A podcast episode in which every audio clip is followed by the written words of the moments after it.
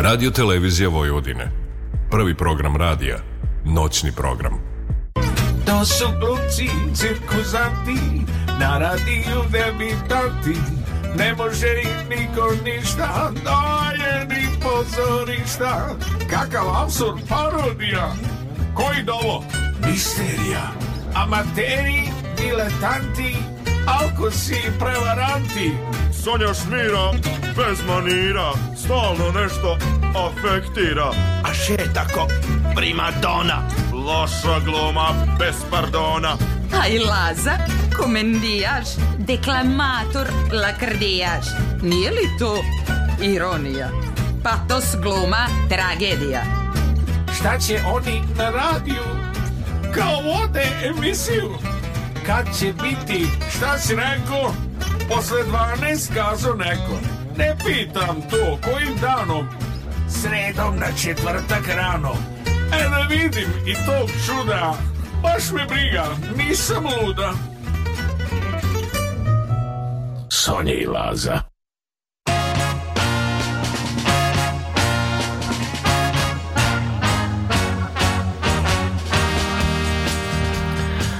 Dobro večer, dragi naši slušaoci. Vi ste na talasima Radio Novog Sada. 28. je decembar.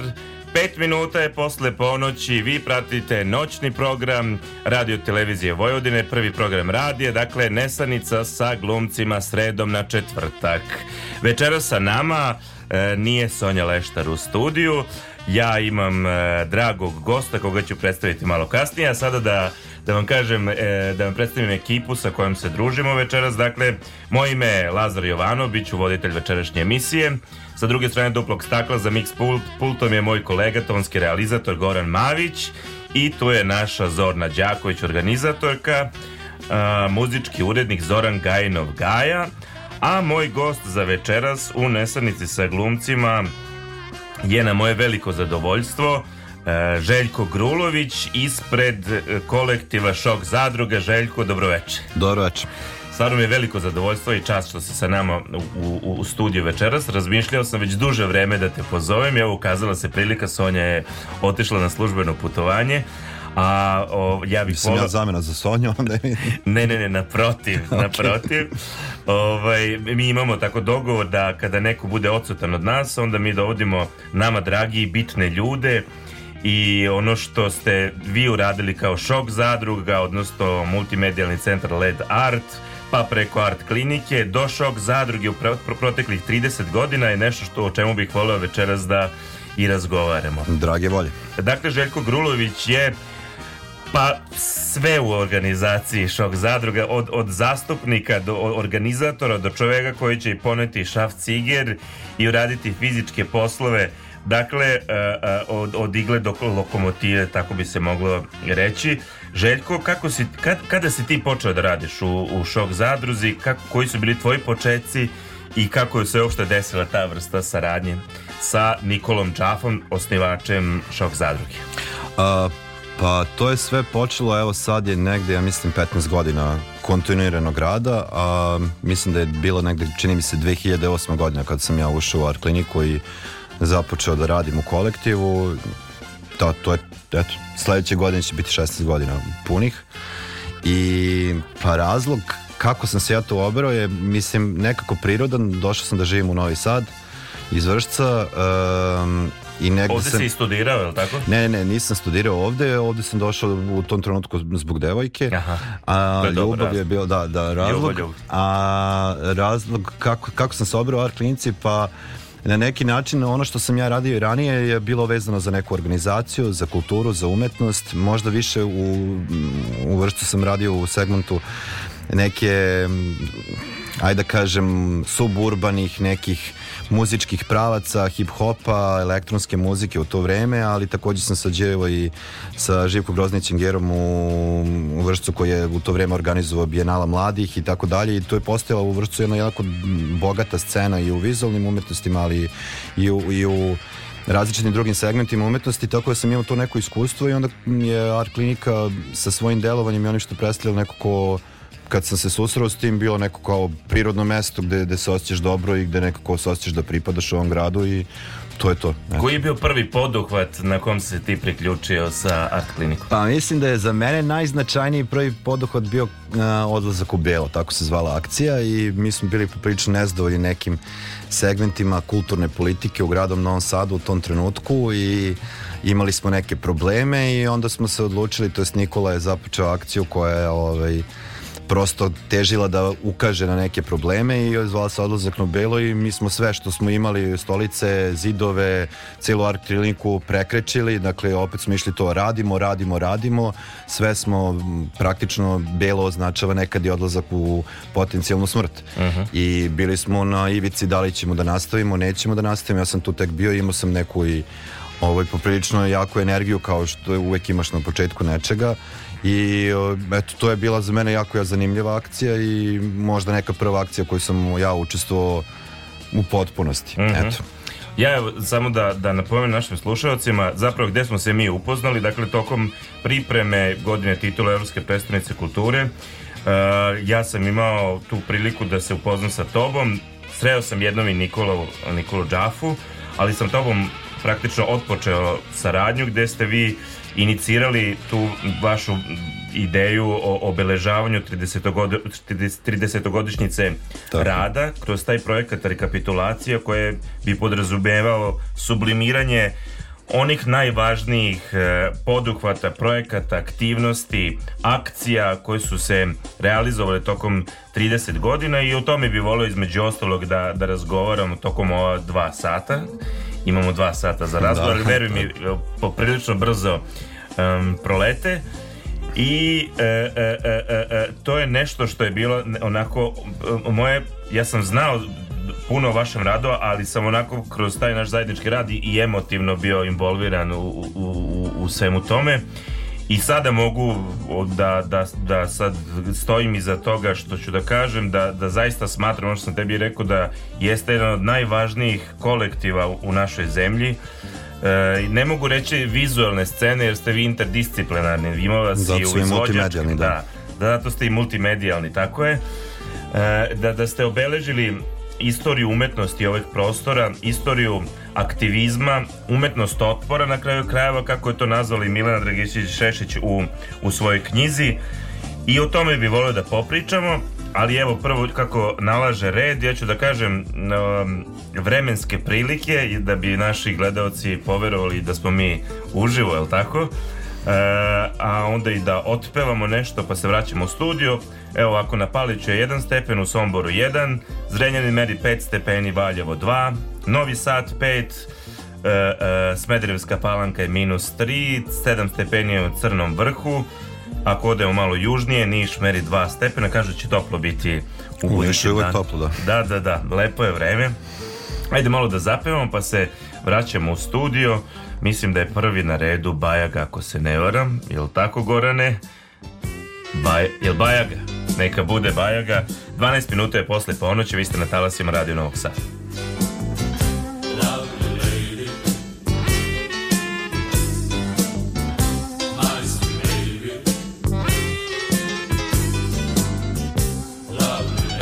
Ponoć je prošla već odavno. Mene hvata san.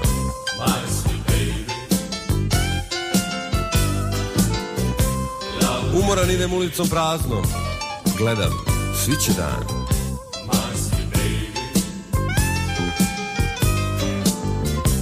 Neko viče. Čupovac, stani. Molim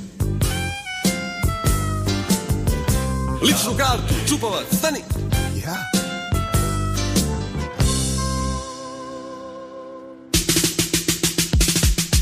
Jeli čumovac, jesi ti normalan, znaš li ko je dobar? Noći Ko te pušta s takvom kosom, sad ćeš lepo sa mnom poći. Ma pustite me druže, ma pustite me druže, ma pustite me druže, ma pustite me druže. Nemaš nikakvu važuću potvrdu, prijavu stana, legitimaciju Taksanu marku i krštenicu, ti zezaš celu administraciju. Ma pustite me druže, ma pustite me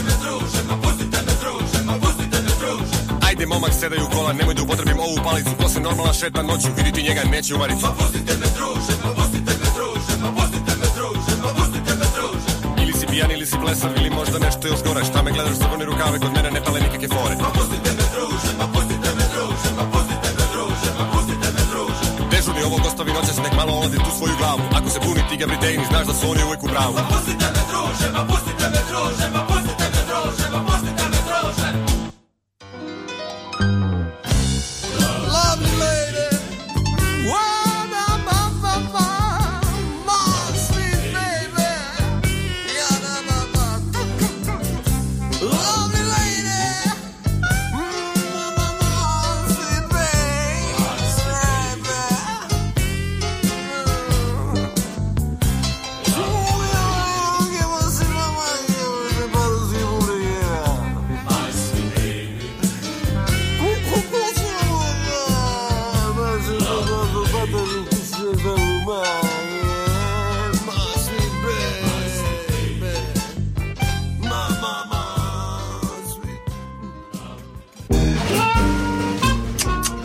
Vidi ga, molim te, na šta liči? Ali je oteko. Ma ne može oči da otvori. Gle, gle, gle, molim te, ni, ni dobar dan i pomoz Bog. Komšija, meni je tu nešto sumnjivo. Svake srede u isto vrijeme on izlazi iz stana, vraća se kasno pred zoru. Ma, ma to znam, nego znate šta je sumnjivo? Ranije je bila neka lepotica s njim, a Da. sad se pojavilo treće, NM lice. Ma komšija, priča se da je on glumac. Molim pa ja. Ja ga nikad na filmu nisam videla. Ma, komšnice, znate šta, mene i dalje kopka, ko je to NM lice? Ne brinite, saznaću večeras i onako ne mogu da zaspim celu noć.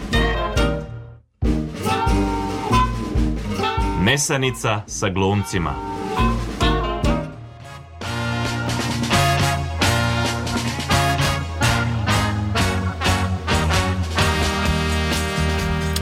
Šestnaest minuta je posle ponoći, vi ste na talasima Radio Novog Sada.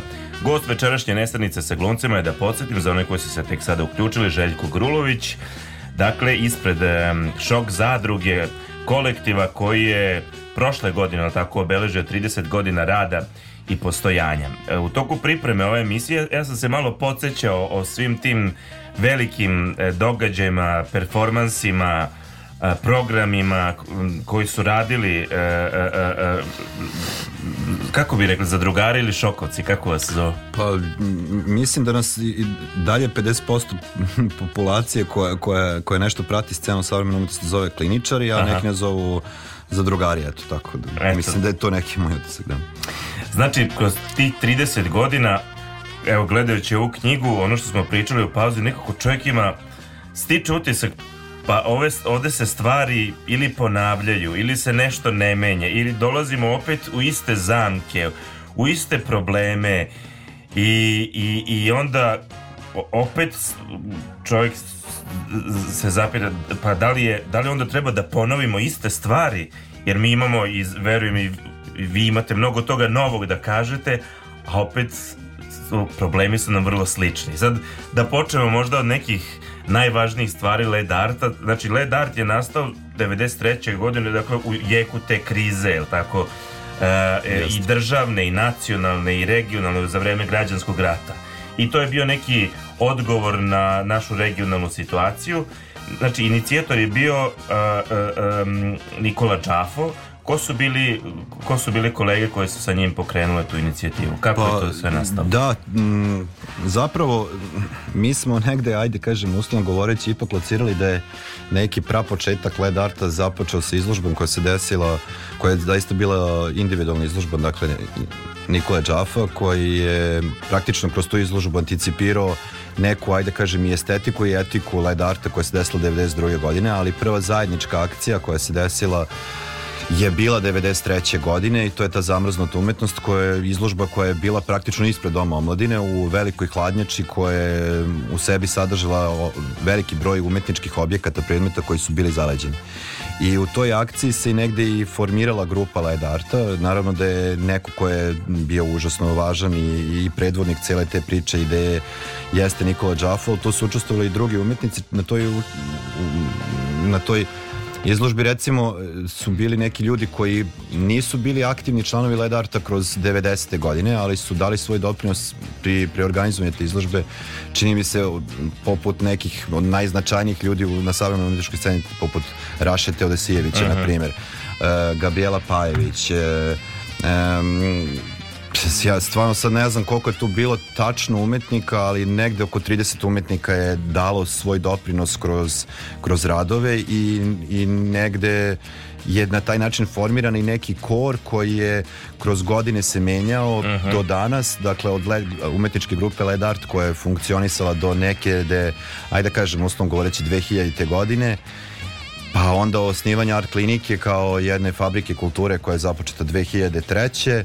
2002. zapravo, izvinjavam se, i art klini, ovaj šok zadruge koja je mm, započela 2013. Tako da je tu toliko umetnika prošlo, jedina stvar koja je nekako uvek bila tu prisutna je Nikola Đafo i Vesna Grginčević koje, koji su praktično uvek tu. A drugi ljudi su se menjali, bilo je tu onako užasno bitnih ljudi koji su nekad poput gospodina Milikića, Srđana Veljovića, nekih ljudi koji su sad užasno bitni na umetničkoj sceni, nekih ljudi koji su u nekim, nekim situacijama dali ve- veliki doprinos, a da nisu čak ni bili umetnici. Mhm. Tako da i to je još jedna važna stvar koja je oblikovala Led Art od, od, od tog početka pa do danas da on nije bio isključivo umetnička grupa kao Da, je da. sad su to vizualni umetnici, nego je uvek uključivao svoje ljude i sociologe i filozofe i psihologije i dramaturgije i tako dalje i to je zapravo davalo tu neku osobenost toj umetničkoj Mhm. grupi da ona ne bude striktno vezana za jednu stvar, nego je u startu otvorila taj neki, ajde da kažemo, sad se to popularno zove hibridni multidisciplinarni pristup. Da, da, da, da, da. Ajde da se baš osvrnemo na, na tu prvu akciju, na, na prvi veliki događaj možda koji je inaugurisao Led Art, to je zaleđivanje umetnosti. Kaže mi nešto više pod kojim okolnostima je nastao taj, e, taj događaj i kako je on izgledao u formi. Evo čisto da opišemo slušalcima koji možda ne znaju za, za taj veliki događaj. Pa mislim da, da naravno uvek je teško pričati o nečemu što nisi učestvovao i naročito iz vremenske distance od 30 godina, jer to je eto, bilo pre 30-31 godinu. Uh, ali ajde da kažem, najosnovnije je da je postojala jedna hladnjača, postojali su umetnički objekti, postojali su umetnici koji su bili izuzetno nezadovoljni stanjem u toj državi, koja zapravo po meni sad iz ove neke istorijske ovaj, 30-godišnje distance ne znam i da li je bila država jer to je bio jedan raspad Da. i, u, i to je bio raspad e, ne samo te neke države nego ideje, ideologije koncepta života, svega i oni su naravno odreagovali na jedini način koji su mogli da odreaguju da bi sam na neki način i sami sebe sačuvali u nekom smislu, psihološkom smislu neke dobrobiti stanja u tom haosu, u ratu, u ubistvima, u razaranju, u destrukciji, jednoj opštoj destrukciji svega i odlučili su se zapravo da u mm, da naprave tu krilaticu etika pre estetike i da zapravo čini mi se da najbolja rečenica bi bila reše da zamrznu umetničko stvaranje kao umetničko stvaranje koje je postojalo pre tog momenta i da ga zamrznu da bi se bavili nekom drugačijom vrstu, vrst, vrstom umetnosti koja je odgovarala i bila jedina možda odgovarajuća tom vremenu. I ta umetnost koju su oni definisali, oni su zaledili te objekte sa idejom da će se oni odlediti u jednom trenutku kada to sve stane, a umeđu vremenu je o- se formirala jedna estetika koja se bazirala na etičnosti i borbi za protiv zločina, protiv razaranja, protiv e, uništavanja i to je ono što je obeležilo zapravo ostatak gru, rada e, grupe Led Art do eto 2000 2001 otprilike. A nikada te nisam pitao na koji period se oročilo zaleđivanje. Pa nije postojalo, zato što ti nisi znao kad će to da se završi. Naravno da su svi imali neku, neku vrstu sigurno entuzijazma ovaj, i, i sa, sa, sa akterima s kojima sam pričao. Nekako ja mislim da su svi mislili da će to mnogo kraće da traje. Da li je bio taj neki događaj odleđivanja, jel se desilo od tog tipa Pa nešto? ako je postojao događaj ozleđivanja, od, ozleđivanja i odleđivanja, da, da. Ovaj, možda je to zapravo na neki način bila ta akcija koju smo mi sproveli u okviru rekapitulacije kada smo praktično eh, posvetili jedan performans upravo tom eh, delu re, nek, na neki način reperformansu koji daju uopšte to reperformans. Dakle, opet smo dve, 2022. godine u Novom Sadu prošli kroz ceo proces zaleđivanja, kroz formiranja, kroz rad u hladnjači, mi koji smo sad u nekim godinama, nekim mlađim godinama, ali praktično neki od nas bukvalno istim godinama, ja sam bio praktično u istoj godini kad i Džafa, kad je on to počeo. I onda si ti ušao u hladnjaču i zaleđivao neke stvari, iznosio ih na trg u Novom Sadu, gde se inače odvrgla još jedna izuzetno važnija ak- ak- akcija, u, u- praktično neg, negde pri kraju same umetničke grupe Led Art, ako je tako posmatramo, hronološki. I onda ono što smo mi hteli je zapravo da na tu ogromnu ploču od leda koju smo napravili na praktično ekran smo projektovali zapravo najvažnije performanse koji su bili snimljeni same umetničke grupe Led Art koji su se dešavali 90. godina. I onda je prosto taj led počeo da se topi u tom trenutku, ko, pošto je to bilo leti i bilo je užasno Da, da. toplo, ali s druge strane mi smo pomogli da se taj led polako razbija i da se to pusti. Ono što je kad ti radiš tako neke stvari koje su užasno energetski, ajde da upotrebim tu reč jake i na neki način i magijske, kao što umetnosti po meni treba da bude, mora da ima tu neku dimenziju, onda uvek postoji strah šta ti odleđaš. Da, da, da.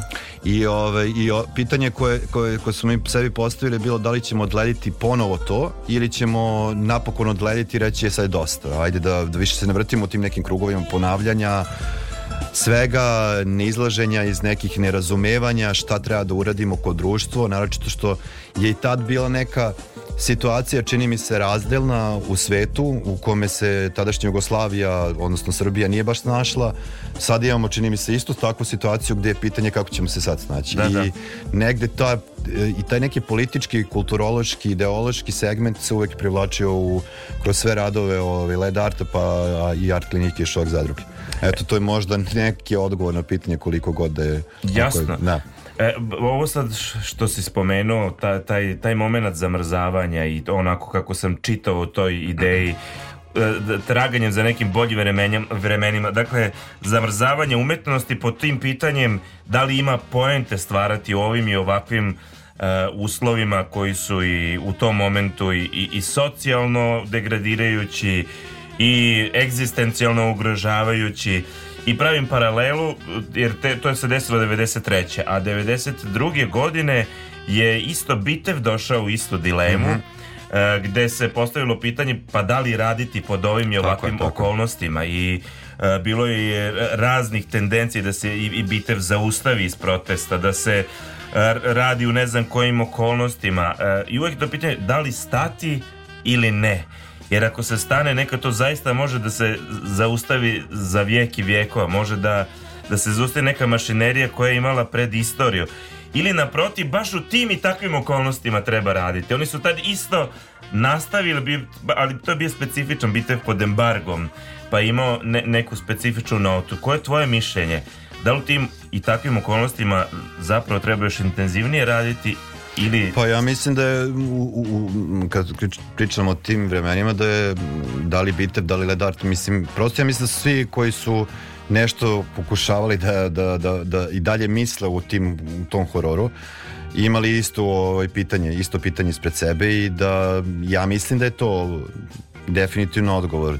Moraš da nastaviš da radiš, između oslog da bi sačuvao sebe i da bi sačuvao tu neku iskru nečega što je vredno i što je važno, ali je pitanje na koji ćeš način da radiš. I mislim da je Led Art u, u tom smislu artikuliso ok, mi hoćemo da. Da. nastavimo da radimo i ne želimo da se ugase svetla, ali moramo da prilagodimo način na koji radimo tom vremenu. E sad, tu, tu postoji pitanje, ja se sećam da li je Matisse ili ko je već, sad ne mogu se tač, tačno setim, neko je za vreme drugog svetskog rata cr- crtao, slikao samo ruže ili već nešto, sad sam zaborio ko je, ali to, to je ono ko je isto to pitanje, znaš, kao ti si sad u nekom mnogo hororičnijem stanju na neki način i šta ćeš sad ti da, da radiš s tim? Da li ćeš da se povučeš u neku introspektivnu priču i da na, sa namerom slikaš nešto najlepše što možeš u trenutku najvećih horora ili ćeš da uzmeš i da kažeš ovaj horor postoji i ja ću da mu se na neki način suprotstavim. I mislim da je eto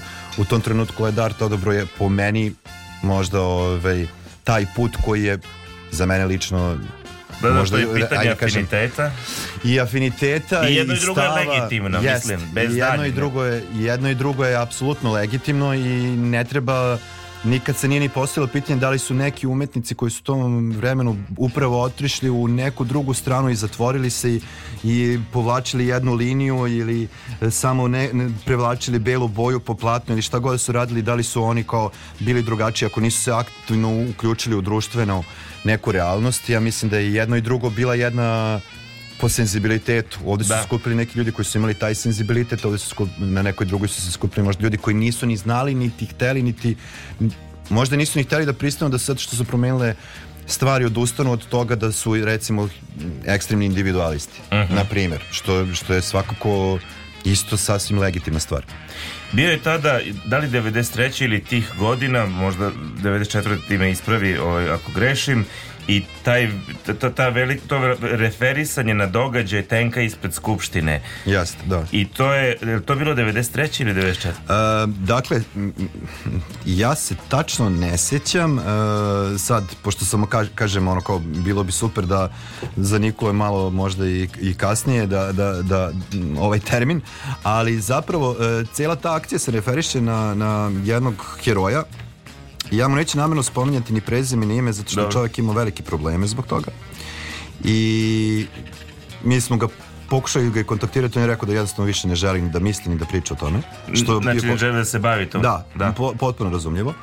Ali to je čovjek, heroj koji je mm, rešio da tank, borno vozilo, šta god, da mm, ne razumem se baš u, u te stvari, e, e, tačnu klasifikaciju, a, ovaj, vrati sa puta koji im je išao na neko ratište i da vrati da sparkira ispred Skupštine e, Jugoslavije tadašnje i da kaže ja jednostavno neću, neću da učestvujem u ovome i jesmo mi u ratu, nismo u ratu, šta se ovdje dešava i on se tu parkirao i rekao je to je njegov protest, on nije pucao, on nije nikog pregazio, on nije uništio nijednu žardinjeru, nikakav, nikakav konflikt nije ono kao stav nije iskazio, samo rekao evo vratio sam vam tank i to je to. I on je bio heroj Da, on je bio heroj koji je nepoznat heroj praktično i jedna ono kao ličnost koja je rekla ne mora ovako, možemo, možemo evo ajde da svi postupe koji ja pa ne bilo rata, niko neće pucati i gotovo kraj priče. Na koji Mislim, način To je utopistička jedna Da, da. pozicija njegova i naša koja veliča to,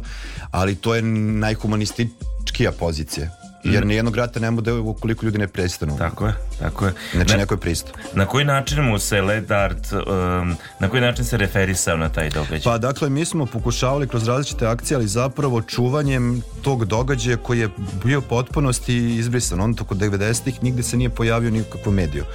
I sticajem pukih okolnosti desila se jedna zaista bizarna stvar, ajde bizarna, ali ja ne vjerujem u bizarnost, ja vjerujem u nešto što, ne znam, nedostatku bolje reči magije.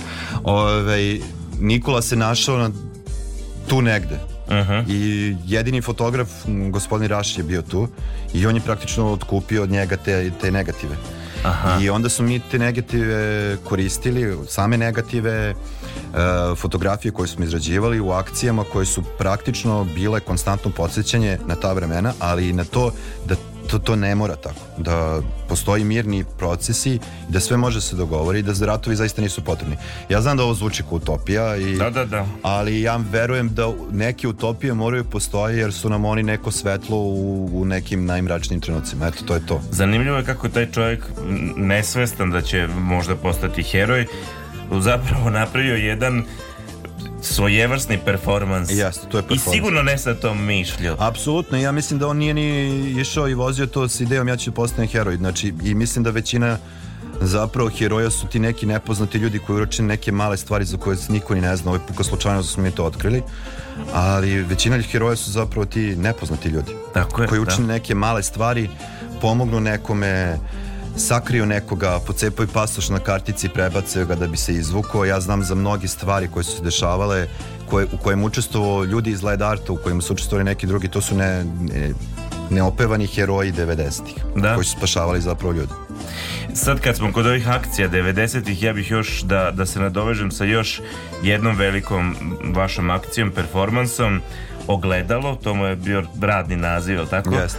A, to je e, događaj koji je bio e, realizovan u sred onih masovnih protesta, tako? Da. Gde su e, Nikola Đafo i kolege došli sa ne znam koliko ogledala koji su stavili pred konvoj e, policije Pred kordon, da. pred kordon ili tako sa tim nekim ciljem da, da, da se pogledaju ogledalo, da vide gde su, da vide šta se događa, koja je realno, šta je bio Pa, e, mislim, ideja je krajnje jednostavna. E, Prvo gledalo je jedan, ono kao, ne znam, ne treba uvek otkrivati sve veštine zanata, ali e, gledalo je magijski ovaj, e, objekat. On se pokriva u trenutku smrti nečije. On je stvar koju indijanci ovaj, razbijaju zašto će da im ukrade dušu i tako dalje. Mislim, postoje ti neki momenti, ali ovaj, naravno njegova primarna je funkcija da se u njemu ogledamo, ali ogledanje može dvostruko da se tumači. Ti možeš da se gledaš i da se diviš sebi, a možeš opet i da se prepoznaš i da napokon upoznaš kako ti izgledaš. I zapravo ti kordoni koje kad ih vidiš, oni izgledaju zastrašujuće. Da. I, a to opet ti ljudi izgledaju zastrašujuće zato što su obučeni jednoobrazno, imaju to su zaštitnu obremu, imaju štitove, imaju palice i tako dalje. A opet u, u okviru tog, sklo, tog oklopa koji oni nose, to su neki naše komšije, naši prijatelji, naši poznanici, braća, sestre i tako dalje.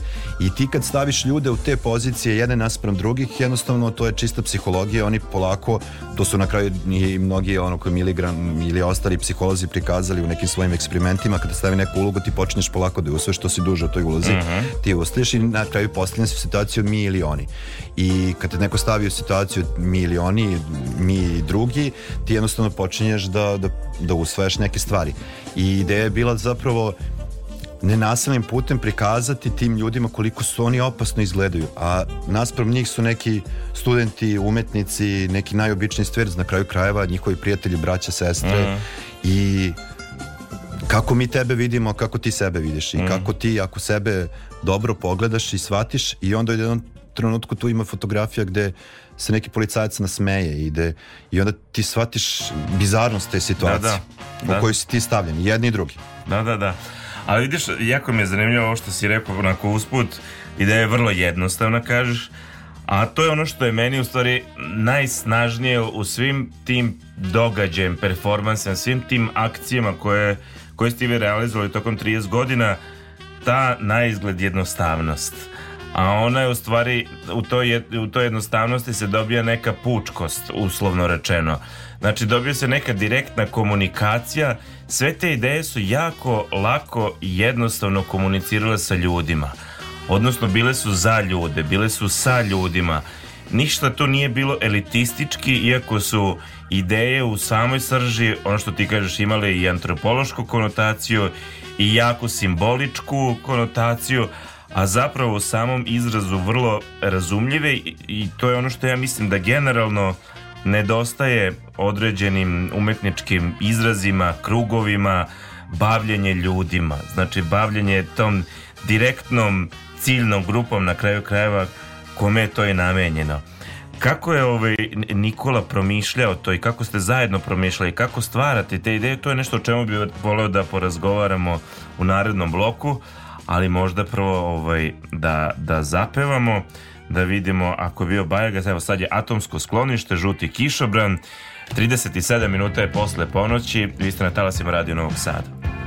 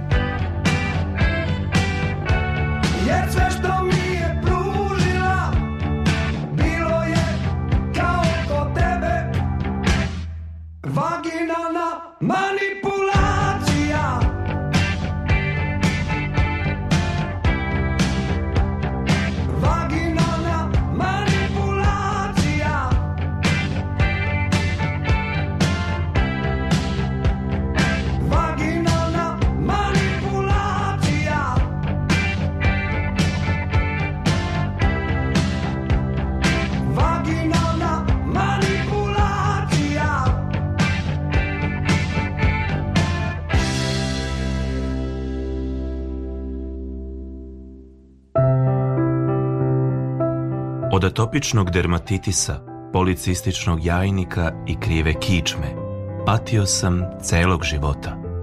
Od kad slušam emisiju Nesanica sa glumcima, ništa se nije promenilo, ali žena mi se ugojila. Posebno sam radosna dok moj muž sluša nesanicu sa glumcima, on se više ne nadima. Er sam bila dobra? Nesanica sa glumcima.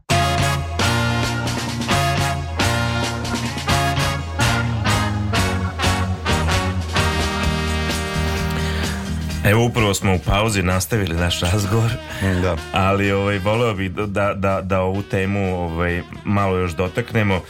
Šta je ono što sam ja rekao da mene je fasciniralo u radu Led Arta, odnosno šok zadruge, ta ne samo interdisciplinarnost, nego polaženje od ideje, da je, da je ideja osnova svega, društveni kontekst, ono u čemu se nalazimo, otvorimo novine, sve je tema zapravo, a sve, a ostalo je već, kako kažem, forma, da li ćemo se izraziti kroz, ovu, kroz ovaj izraz ili onaj, mislim da je to jedna od naj, jedna od specifičnosti e, led arta i, i, i šok zadruge. E to je sad me zanima kako vi kako, kako kreirate ideju pošto ih ima jako puno, kako se odlučujete za nešto čime ćete se konkretno baviti s obzirom da ste interdisciplinarni ima vas raznih profila i, i backgrounda kako to se artikuliše kod vas? Pa ne, ne postoji jedan odgovor, ali ajde da probam nešto. Mm, mislim da je mm, pojavi se neka, ajde da kažem, energija koja se kao što si ti rekao, ajde, dok, dok nismo bili uključeni u program, postoji period, na primjer, neke latencije od dve godine kada se ništa ne kreira kao neki umetnički rad. I n- ne obavezno zato što smo mi tako odlučili, nego prosto se tako desi i ti u tom, tom periodu imaš ajde neku vrstu preparacije i onda samo se pojavi nešto što je dovoljno značajno i što te natera da kažeš ajde sad da nešto uradimo povodom toga, ajde da kreiramo neki umetnički rad, ajde da kreiramo neku akciju, ajde da uzmemo neki performans ili te jednostavno pojavi se neko ko te pozove na saradnju ili se pojavi neki unutrašnji problem u okviru grupe koji mora da se artikuliše. Znači, postoje različite stvari u tim nekim segmentima da bi došlo do te, ajde kažem, nazovemo iluminacije pojave nečega što se klasifikuje kao umetnički izraz ili umetničko delo. Jasno. Što se tiče ovih performansa 90-ih, jako je teško izdvojiti. To, to, toliko je bilo događaja, ali evo, opet ćemo neke koje su možda imale i najveći odijum spomenuti. Jedan od tih je e, akcidentalne grafike, odnosno rekonstrukcija zločina, koja je doživljala, doživljavala razne reperformanse. Jeste. Nažalost, zbog svoje aktuelnosti. Jeste. Ona ne prestaje da bude aktuelna. E, kako je nastala? To je bilo isto 90-ih kao, jel tako, odgovor na ovo što se tada dešava. Pa da, 90. kao što većina slušalaca zna, ne znam ko je, ko je bio tad mlađi, stariji, tek se rodio ili tako dalje. Ali su bile godine kada si imao rat. A druga stvar koja se uporedu s ratom dešavala je prelazak s jednog sistema u drugi koji je bio vrlo nesretan na ovim prostorima i koji je doneo sve ono što donose takve situacije, a to je porast kriminala, pokušaje da se zauzme neki prostor moći i tako dalje i mi smo u Srbiji, odnosno u tadašnjoj Jugoslaviji imali bujicu žestokih momaka, samoubistava, ubistava i svega svačega, nesretne jedne godine i u principu svako je bio potencijalna žrtva. Mhm. I zapravo to je osnovni razlog nastanka umetničkog rada akcidentne grafike. Akcidentne grafike su se e, realizovale tako što je na ulici zauzemao se tako javni prostor i slučajni posetioci su mogli da uđu u ulogu žrtve, uslovno Jeste. rečeno, i da budu obstrtani kao ono kada se u onim krimi serijama radi rekonstrukcija zločina. Jeste. I to se radilo na papirima velikog formata. Jeste. S tim što je ono što je zanimljivo da je 90% ljudi s kojima pričaš doživljava tu akciju kao ti sad ocrtavaš nekog i to je ocrtavaš nekog i ti ga na taj način kao on je mrtav. Zapravo je ideja akcije odnosno performansom potpuno drugačije. Ti ga obcrtavaš da mu se to ne bi desilo. Da, da. I zapravo akcidentne grafik, grafike se Puj spazi sve nas. Mhm. To je opet magijski moment da ti kroz tvoj proces ti kao vrađbina, znaš, uradiš nešto da ti se to nešto ne bi desilo. Da, da, da, da, da. Eto, to je to. I onda su bili izlagani, jel tako? Jest. To je bilo, e, e, gde ste tada izlagali prvi put? O, pa to je, e, to, to toliko puta izlagano da više ne znam, ali znam da se, me, mislim, vezano za to je nekako meni najznačajnije zapravo što se te akcidentne grafike izlagale, ja mislim u Sloveniji ili u Hrvatskoj, već za vreme 90-ih. Aha. I da je, to je, to je nekako, e, da je Led Art na neki način bio među prvim umetničkim grupama, odnosno i pojedincima i tako dalje, koji je razbio taj moment nemogućnosti saradnje između mm, ljudi koji su do par, pre par godina potpunosti slobodno sarađivali i tako dalje i da je taj rat poremetio sve te tokove i što je prirodno i i očekivano umetnost, odnosno kultura je ta koja ima tu integrativnu moć da poveže, zato što je umetnost je uvek humana. Da. Prava umetnost je za mene uvek humana. I ona, je, ona ima tu moć da ne možeš da je se na neki način čak ni suprotstaviš. Vi I, ste- I to je, to je, to je, to je, eto, možda od svih tih izložbi koje su na koje, u kojima su recimo akcidentne grafike učestvovale kao, kao i predstavljanje verovatno i najznačajnije. Vi ste, pored toga što jeste imali i- određene prostore koji su bili neke, neke vaše baze, ali zapravo ste osvajali najrazličitije prostore od ulica, trgova, nekih alternativnih prostore kao dokaz da u stvari umetnost i stvaralaštvo nije vezano za prostor, što je u- uvek problem, ne kažem, i, i, i izazov. Ali e, e, e, vaše, va, va- vaš pristup je bio i osvajanje prostora. Znači, ako sam dobro raz- ako se dobro sećam, baš kroz jednu akciju i, i projekat e, rasprodaje umetnosti, to je ulazak među ljude. Tako nešto je bio i- i A, publici na noge. Publici na noge. Da, to je taj,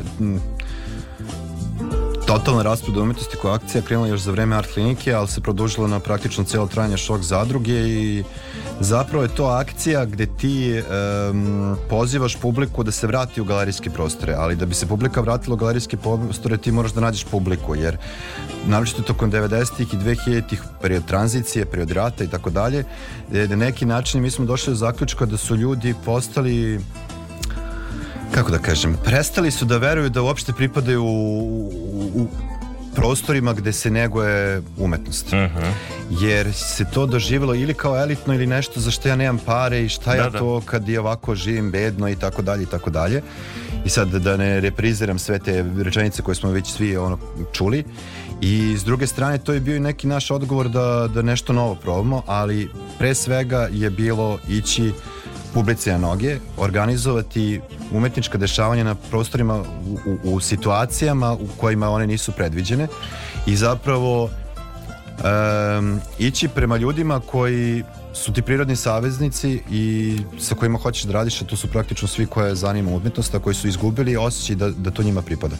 To je jedna od glavnih ideja, ali druga ideja je bila zapravo traženje smisla u, u toj celoj priči oko da li kreativnih industrija koje su već tad počinjale da se Mhm. spominju, onda nepostojanja tržišta umetnosti koje je neregulisano, deregulisano, postojeće, nepostojeće i tu je postojala jedna samo ironična i ironična forma u celom tom performansu akciji, šta god da je to sve zapravo Mhm. u jednome, koja je onako bila za nas dosta lekovita i nama je pomogla da se na neki način reartikulišem.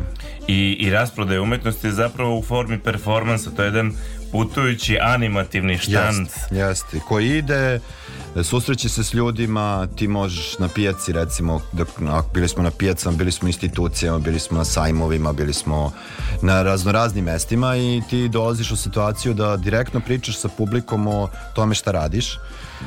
U umetnicima sa kojima radiš, u umetnicima koje predstavlja recimo galerija, s druge strane organizuješ izložbe, s treće strane ti si tu nešto cenkaš, pregovaraš, uzmeš 3 kile krompira za neku grafiku, onda meriš koliko nešto košta, koliko košta rad nekog vrlo etabliranog umetnika, Mhm. koliko košta rad nekog umetnika koji je tek došao na scenu, kako mi to možemo da merimo, da li možemo putem centimetra pa smo nešto sekli neke slik- slike na e, 10 puta 10 pa onda na osnovu toga određivali cenu. Jednostavno ti, ti ironišeš celu tu priču zato što posto, ne postoje neki standardi u kojima ti možeš da se uklopiš i s druge strane kod nas nekako mi se čini da, da, da uvek nešto kaskamo, uvek nešto tu nešto pokušavamo da, da, da levitiramo na neki, kako neki jogi letači, mjesto da se spustimo i da kažemo ok, ajde vidimo šta, kako to stvarno funkcioniše, da li stvarno postoji ovo, da li ne postoji, šta treba da uradimo i tako dalje. To je ta neka strategija koja je uvek nešto u nekoj reorganizaciji, koja je sve- nešto u reorganizaciji konstantno i onda ti dođeš do toga da u tim reorganizacijama se zapravo izgubi neki pojam šta to stvarno treba da radi i kuda to treba da ide. Ali stičem utisak da ste uvek išli publici na noge. A ne, apsolutno jesmo, Da. da. mi možeš, možeš da kažeš da je od 93. pa do danas ti non stop ideš napolje i nešto, nešto ideš i radiš sa ljudima, jer na kraju krajeva to je neka i ajde kažem umetnička škola gde ti sebe ne doživljaš kao nekog eli- elitistu, a često te zapravo doživljavaju kao elitistu zato što se baviš ne znam nečim što se zove savremena umetnost. Ali ono što mi je još dodatno zanimljivo je to što je Nikola Đafo u osnovi je vizuelni umetnik, jel tako? Jest. Ali je u svojim, u svojim poduhvatima i akcijama je jako često išao u performans i išao izvođačko. A mnoge moje kolege koji su iz sfere izvođačkog pa nikad nisu otišle u neke druge vrste izraza, a redko bi odlazili i u otvorene prostore, a redko bi odlazili i u akcije performansa i nešto što je aktivno i angažovano. Mislim da su tu nekako ovaj, pozorišni stvaravci su uvek se držali nekih svojih niša, izuzev nekih eh, drugih, eh, izuzev kolektiva koji naravno postoje, rade, bilo da govorimo o DAH teatru ili KPGT-u, znači bilo je, ali ne toliko... Ali to nije, nije, nije to standard, znaš, kako, ja verujem ne želim da umanjujem ničije u ono kao stvaralaštvo, ali prosto nije veliki broj ljudi koji to radi. Nije, na ne, zato Nebitno je iz koje sad ajde branše dolazi, znaš, ta- tako ko što ti spominješ, postoje ti neki primjeri, tako vizualne umetnosti zadnjih 30 godina postoji veliki broj ljudi koji su se odlučili za to. Upravo to, upravo to. Evo da imaš verovatno i neki senzibilitet i hrabrost i aj tu multidisciplinarnost i da imaš te ti, ti ima ta neka teorija o slojevima umetnosti, znaš. Mhm. I, ja nažalost mislim da danas je sve ono kao jedan do dva sloja maksimalno, kao ona torta, znaš, pa imaš ono 7-8 slojeva, Da, da. pa ti možeš sve da probaš i da, da umetnost led arta i ne samo led arta je dosta slojevita i ona se sastoji iz tog vizualnog primarno vizualnog dela, ali tu postoje i, i, i mnogo... Ja bih rekao čak primarno ideje. Da. Da. Tako da ti imaš tu ne- neki, neke slojeve gde se premišlja i sistem umetnosti i kontekst umetnosti i društveno političko kulturni trenutak u kome se izvodi rad i sam rad neki se ponovi 5-6 puta a svaki put kad se ponovi je potpuno drugačiji zato što kontekst njegovog izvođenja uopšte nije isti A opet komuniciraju sa tim novim Jeste, kontekstom. a komunicira i sa ljudima različitih generacija i različitog vremena. Jer uvek moraš da ubaciš temporalnost. Ako ti uzmeš neki rad iz 90-ih i sada ga izvedeš 2010. ili 2023. on ne, ne može da bude istim. Tem, temporalnost je potpuno drugačija. Jest, ali ono što, što sam stekao utisak dok sam, dok sam opet prilistavao um, ovu, možemo reći monografiju, jel tako, Jest. rekapitulaciju, je sad opet da se izvedu ti performansi, opet bi imali značenje, dru, drugačije, drugačije kontekst, ali opet neka, neka nit problema, srž dubinska, koja je opet sve prisutna. Zašto su to univerzalije po meni? Da. Da, da, da. Mislim, arhetipske su u tom smislu. I evo sad idem na, na, sledeću akciju koja je, ne znam koja je uzbudljivija, e, koja je važnija, prosto ne, idem, ne idem nekim naročitim redom, ali uzmemo, na primer, e, veliki performans stolicu. koji što ti kažeš, to izgleda jednostavno. Sad kad pogledaš ogromnu stolicu u javnom prostoru. Naravno, meni prva asocijacija je kralj Ibi, ako Mhm. razmišljam iz svoje pozorišne pećine. Kontekst u kome je ona tad bila, znači opet neka analogija moći, a, analogija demonstracije moći, ž- želje za stolicom.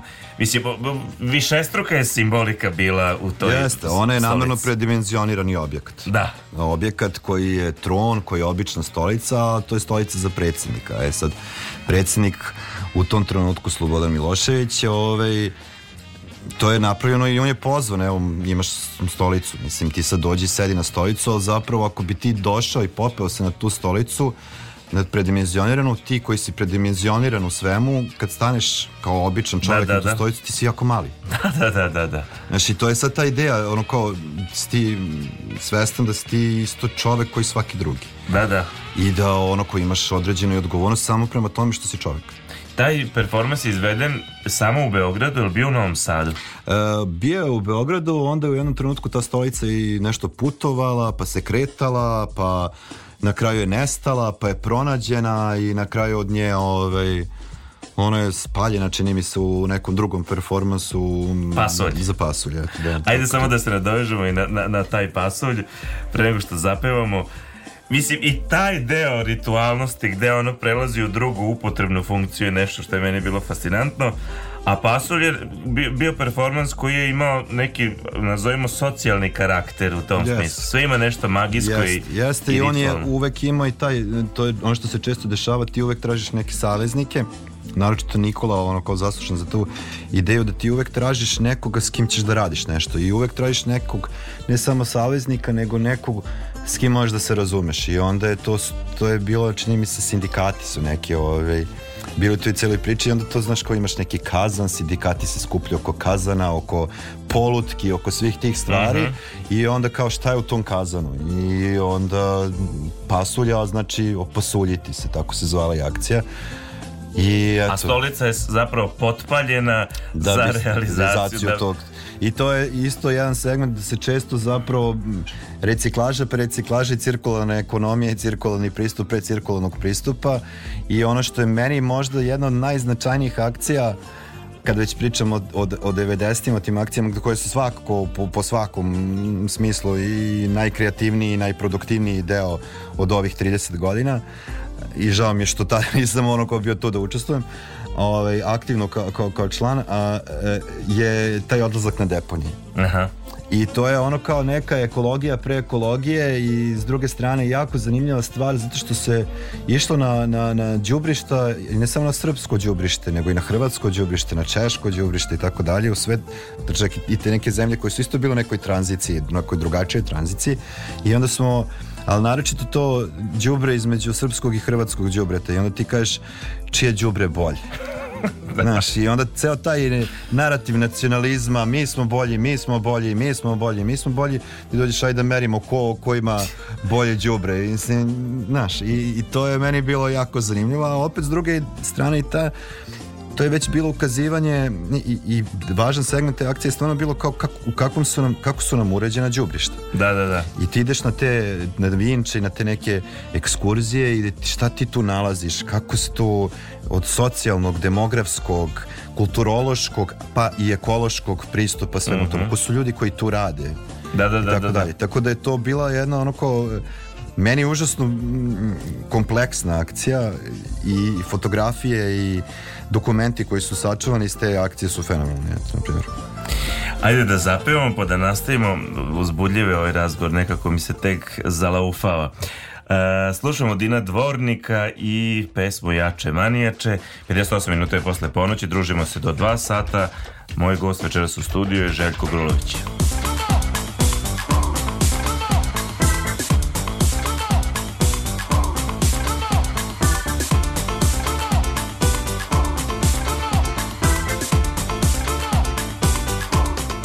Radio Novi Sad.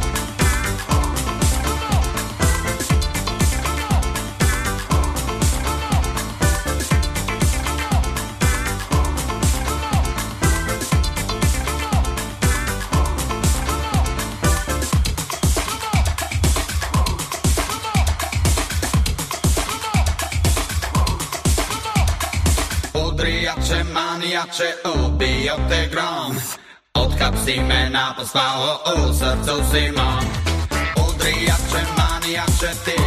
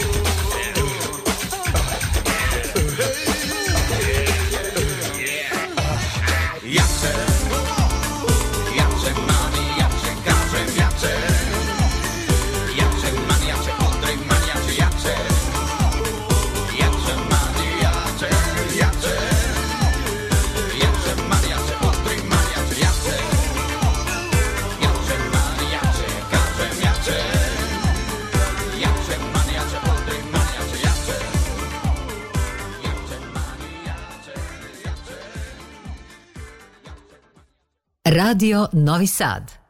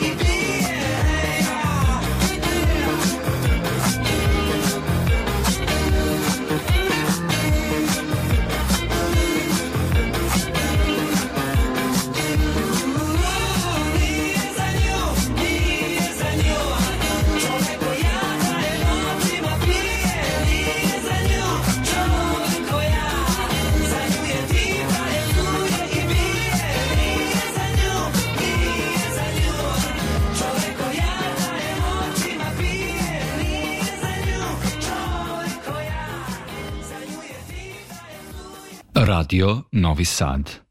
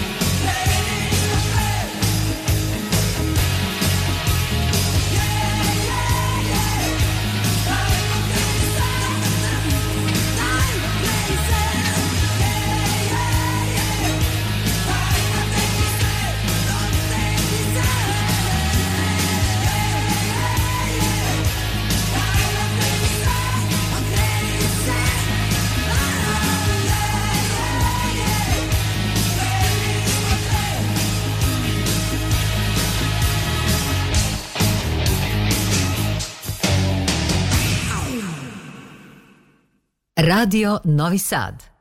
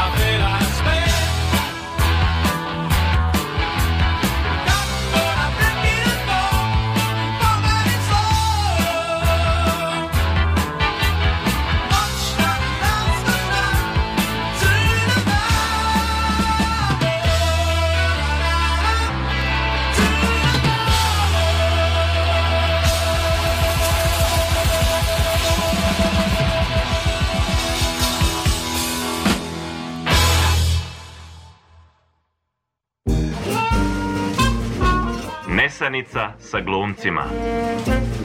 Mama, šta je to nesanica sa glumcima? To je sine radijska emisija. A šta je to radijska emisija? Ono kad čujemo glasove iz radija koji nam pričaju, pevaju. To znači da mali ljudi žive u radiju. E, da. A kako je to moguće? Zar nisu porasli?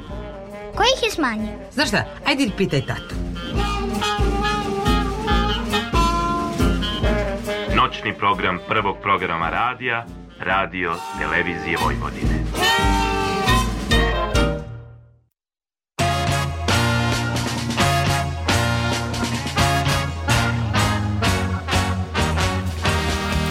Jedan sat je 14 minuta, evo nas u drugom satu emisije. Pratite noćni program Nesanica sa glumcima.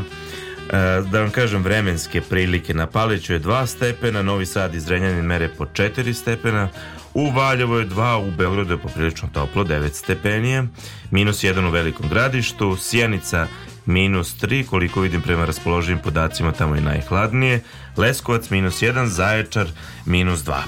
E, moj gost, e, da podsjetim, je Željko Krulović, zastupnik e, e, e, šok zadruge, ali i, i, i mnogo drugih funkcija obolja što smo već spominjali u prethodnih sat vremena.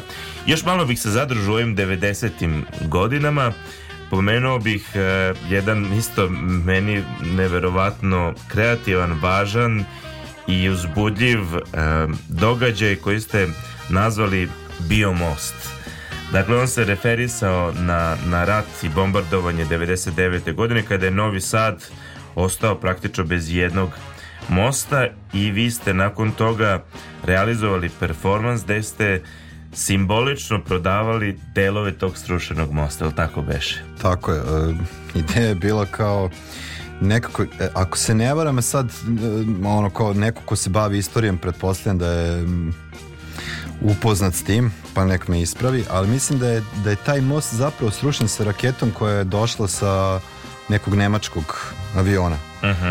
I verovatno je bio i prvi most koji je srušen u posle ratnoj Evropi, dakle posle drugog svjetskog rata sa raketom bombom šta god koja je ispaljena ili bačena sa, sa aviona koji je bio nemačke produkcije ili ga je vozio Nemac ili šta god, Mhm. šta god da Nemac označavalo i onda je nama bilo to zanimljivo zato što u Berlinu se prodavao berlinski zid, komadići Da, da, berlinskog da, da. zida i onda smo mi pomislili eto mi imamo sad napokon iz svog tog lošeg možemo da izvučemo nešto dobro i da se napravi eto kao neki novosadski suvenir koji je potpuno legitiman i sad kad dođe neko Autentičan, kraju. autentičan i sad ti dođeš i kupiš deo tog mosta koji tih parčića i on nastavlja da živi i na neki način simbolički ga ti i oživljavaš i čuvaš ga u sećanju on je bio drag novosađanima srušen je, ali na neki način on ostaje da živi i da opstaje kao takav i to je opet ironisanje Da. ali taj most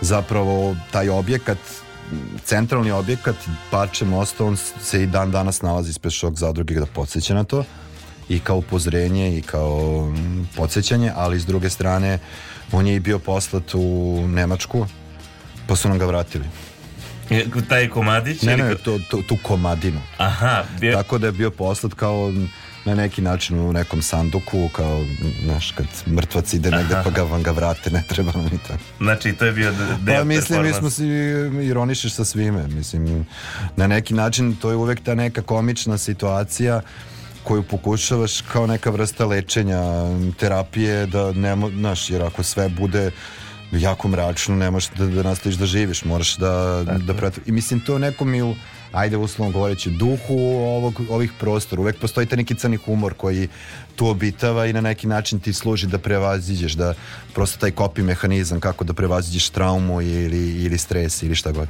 D- prošle godine, dakle 22. se isto taj performans odigrao Da, negde jeste, kod mosta. Kako, kakve budu reakcije uh, sugrađanja Pa ili turista? nekima to smeta, Mhm. kao nije im jasno zbog čega, neki se naročito stariji sugrađani sete se šta se dešavalo na tom mostu, neko se ljubio na tom mostu, neko se posuđio na tom mostu, neko ga je prelazio da bi išao kod devojke ili ljubavnice i tako dalje, tako da imaš taj neki susret sa ljudima i razgovor, to je Mhm. zapravo tema za razgovor i tema da se relaksira, da se Kao podsjeti. zapravo jedan povod. Pa da, i, a ljudi koji dolaze sa strane po prvi put saznaju, neki dođu i kažu mi smo te mm, e, rap performans, rap performans, rap performans radili u vreme Exit festivala. I Aha. onda ti sad tu imaš neke ljude koji dođu i ni ne znaju da prelaze preko nekog mosta na kom, koji se nalazi na mestu gde postoji neki drugi most i ti ih upoznaješ sa istorijom jedne zemlje, jednog vrlo turbulentnog vremena koje sad s neke distance možda ga kažeš i zanimljivo, mislim koliko god to možda glupo zvučalo, Da, da, da. ali istorijski nabijen događaj i i to jeste naša istorija i trebamo da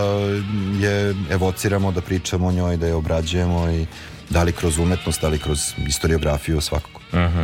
Ako se ne varam, te 99. godine uoči bombardovanja ili tokom bombardovanja zapravo počinje i priča o tom čuvenom zecu. E, da, i čak i ranije i to je opet sad nešto što možda nije tema za ovu emisiju jer ja nekako Zeca pre svega ne vezujem toliko za grupu Led Art koliko samo za Nikolu Džafu. Dakle, ali svakako to je jako kompleksna stvar i mislim da bi mogla cela emisija se posveti u istraživanju fenomena Zeca i, i Nikole Džafa i pojav, pojava Zeca u njegovoj umetničkoj praksi. Ono što je eto kao nešto što je nažalost se nije realizovalo, mi bi volili da jeste, je taj muzej Zeca i on tako... On je bio samo jedan onako, Da, bila je jedna segment, epizoda. jel? Da, parcijalni neki moment koji se povremeno pojavljuje, taj muzej Zeca se povremeno otvori kad ima snage, volje, on nema svoje trajno prebivalište, on je zapravo kolekcija, ajde je nazovemo tako, koja je po svim načinima ustrojena kao muzej i nažalost nema svoje mesto jer se nalazi u kući Nikola i to je u privatnoj kući. I mi smo par puta to otvarali za javnost da bi ljudi mogli da vide i da bi To su najrazličitije kolekcije, ne samo zečeva kao artefakata, nego i Jeste. kao simbola, je tako? Jeste i tu se nalaze objekti od različitih materijala, umetnički radovi koji su koji u sebi sadrže ali zeca ili simbol zeca, e, priče, mislim milion objekata i artefakata koji su skupljeni kroz eto, više od 20 i nešto godina se to skuplja i to je postalo jedna vrsta i možda nekog fetišističkog objekta. Mislim, on, je, on, on ga koristi na jedan izuzetno zanimljiv način i svakako ko, ko to prati i koga zanima rad Nikole Džafa je verovatno došao u, u situaciju da se pita šta to tačno znači, Mhm. i, ali ono što ja mislim da Nikola nikad nije otkrio niti treba da otkrije zapravo šta to znači. Da, da, da. E, to je sad e, ta pozicija koja je jako zanimljiva. Da, da, da, jasno, jasno. E sad, neke 2003. jel tako, ako se ne varam, prestaje jedan ciklus, odnosno 2001. Završava se jedan ciklus rada Led Arta i dolazi do određene transformacije, pošto ste vi radili u nekim dekadnim epohama, možemo da... Sasvim slučajno, ja mislim, da. Da. Pa ja i verujem da je zapravo tu sve bilo slučajno, odnosno nije slučajno, ali da je bilo intuitivno i da je bilo reagovanje na moment. Jeste, da. Dakle, završila se epoha, uslovno rečeno, i otpočela se jedna nova epoha sa nečim što je, ne znam, projekat, platforma ili opet, kako bismo nazvali, e, e, osnivanje art klinike. Da, pa e, Art Klinika je sve to što ste rekao i umetnička grupa plus. Da. Dakle, to je opet vrlo slično radu Led Art u smislu da opet ne postoji neka jasna grupa ljudi, ovih troje ljudi, kako obično umetničke grupe funkcionišu mi i onda imamo autorska prava i nas troje to radi ili petoro ili nebitno, nego je opet to jedna vrlo široko, široko posljena, ajde da kažemo, platforma, poluhijerarhijski, nehijerarhijski organizovana. Ali e, sa određenim i, i, i unapređenim ili novim manifestom praktično. Jeste i umetnost može da leči svet. Tako je. E, dakle, Sa nekom premisom da je- Jeste, da je društvo- utopijskom društvo je bolesno i mi ćemo da ga lečimo sa umetnošću, što je utopija i utopija u koju treba verovati. Jasno, ali utopija jeste ono što nas održava. Jeste. Mislim, E, tako da ja mislim da je to bila jedna jako zdrava utopija koja zapravo nikad nije ni stala, ali i dalje verujemo u nju, ali eto, bila je obeležena, uh, Art Klinika je zapravo bila, ja, ja bar je tako doživljen kao neko ko je ipak je ušao u Art kliniku i bio deo člana Art klinike kao neka vrsta fabrike kulture, fabrike umetnosti, jer to nije samo bila platforma za umetničko izražavanje, već je bio to i prostor. On je postojao, on se bazirao ipak, je da, grčko-školskoj i, i art klinika je postojala dok je postojao taj prostor, znači postojalo jedno fizičko mesto na kome se sve dešavalo. I naravno ti si izlazio napolje, intervenisao, radio akcije i tako dalje, ali je ipak postojao taj neki kor gde se trebalo živeti, raditi, formirati neku novu zajednicu, završila se jedna epoha u, u jednoj zemlji, počela je na neki način neka nova zemlja i, i neki novi sistem i ušlo se sa velikim optimizmom iz ove perspektive ne kao neko ko je član, bio član art klinike, nego ajde kažem da je to neko vreme u kome se ipak ja ovaj, lično, sad moj lični stav, je bilo da, da su početak 2000-ih obeležila taj neki optimizam koji je bio i reala, realan i nerealan. Realan zato što jeste desila se neka demokratizacija društva, otvorili smo se ka svetu i tako dalje, ali s druge strane kao imam osjećaj da, da je za dosta ljudi koji su mislim stariji od mene eh, postojalo neko očekivanje da, da, da kao eh, postojala je Jugoslavija i taj neki život i sad kad se završilo to neko vreme rata, razaranja i tako dalje i sad smo mi s tim završili i ponovo ulazimo u svet, da će na neki način da bude nešto vrlo slično onome što smo živjeli pre tog rata. Mhm. Kao, evo, bili smo u nekom lošem snu, sad smo se probudili i dalje je to to, i to Da. je bio samo horor, neki košmar, ali sve je okej. Šta nam bi ko nas zavadi? Da, da, ali, ali ono što se desilo je zapravo da je to potpuno bilo drugačije društvo, da je to drugačiji svet u kome smo se mi probudili i da postoji taj neki vakum u kome je ceo taj svet u kome smo se sad mi na neki način ponovo uključili otišao u potpuno drugom pravcu tehnološki, kulturološki, politički, geopolitički, strateški i na svaki mogući način i da je se ubrzo pojavila velika količina čini mi se razočarenja. Mhm. Jer e, postojala je ta jedna vrsta nelar iluzije o, o, o nečemu, o, o kako će to da izgleda. I onda je e, za art kliniku nekako obeležilo mi, mislim sad opet kao ona je bila u podrumu. I, i na primjer svi ti ljudi koji su se tu okupili kao da smo mi svi bili u nekoj vrsti podruma gde se kao da nismo htjeli da prisnemo da sad to što se dešava je potpuno neki drugi svet. I da, da ti si tu zapravo živeći u tom podrumu na neki način formirao neku svoju utopicu, ali to nije bila utopija koja je bila nešto pre, pre proaktivno. Ona je bila Mhm. vredna, značajna, pričala je, e, manifestovala je, gestikulirala je, svašta je nešto radila da privuče pažnju, da, da, da kaže da neke stvari trebaju drugačije, artikulisala je neke kulturne politike, dozvoljavala je svima da uđu različitim grupama, ljudima, e, davala prostor za rad i tako dalje, ali nekako jeste bila ne, neki način Malo introvertnije u odnosu na prethodni introvertnija period. na- u odnosu na prethodni period. Da. I užasno je značajna i tu su svi dolazili i, mm, svi koji su nešto čini mi se značili na nekoj vizualnoj sceni. Ne samo na vizualnoj su dolazili u, u, taj prostor koji je bio prilično veliki davao je različite mogućnosti ali eto negde e, zapravo onoj akcije koje smo već pričali totalno rasprede umetnosti mislim da je s tom e, s tom akcijom e, se pojavila i svet da, da svest da zapravo art klinika treba da se završi kao to i da i zapravo je bila ideja eutanazije i tog ciklusa odlaska u bijelo sve nešto nagoveštavalo na kraju publici na noge i s tom krilaticom i iz podruma na svetlost dana sve su to neke krilatice koje su nama govorile zapravo konstantno pripremale da je vreme da izađemo iz podruma i Mhm. to je zapravo bio inicijalni neki među prostor u kome su se mi kretili dok, dok nije zapravo startovala šok zadruga. Evo još dok ne pređemo na šok zadrugu, po, pomeni mi samo što se tiče art klinike, koji su bili možda neki najznačajniji poduhvati koji su realizovani u tom periodu. Pa ima ih mnogo, ali evo, na primjer, neki koji često ljudi zaboravljali, koji se ne spominje toliko ni o tim knjigama, katalozima i tako dalje, za mene su, na primjer, bitnije Dečija Nova godina. Šta je bio taj program? I to je jedna zanimljiva akcija. Dakle, ti ovaj, dobiješ neki honorar i koji bi sad kao tu mogli mi da raspodelimo među sobom, neki svako dobije po 5000 dinara recimo. Ili nešto uradiš i onda to pretvoriš u dečije paketiće. Mhm. Za umetnike koji su naročito tom periodu dok nisu počeli ovi svi digitalni mediji pa si ti sad mogu da naučiš da radiš nekom photoshopu, da radiš u nekoj Da. kompaniji i tako dalje, ovaj, bili u baš katastrofalnom stanju.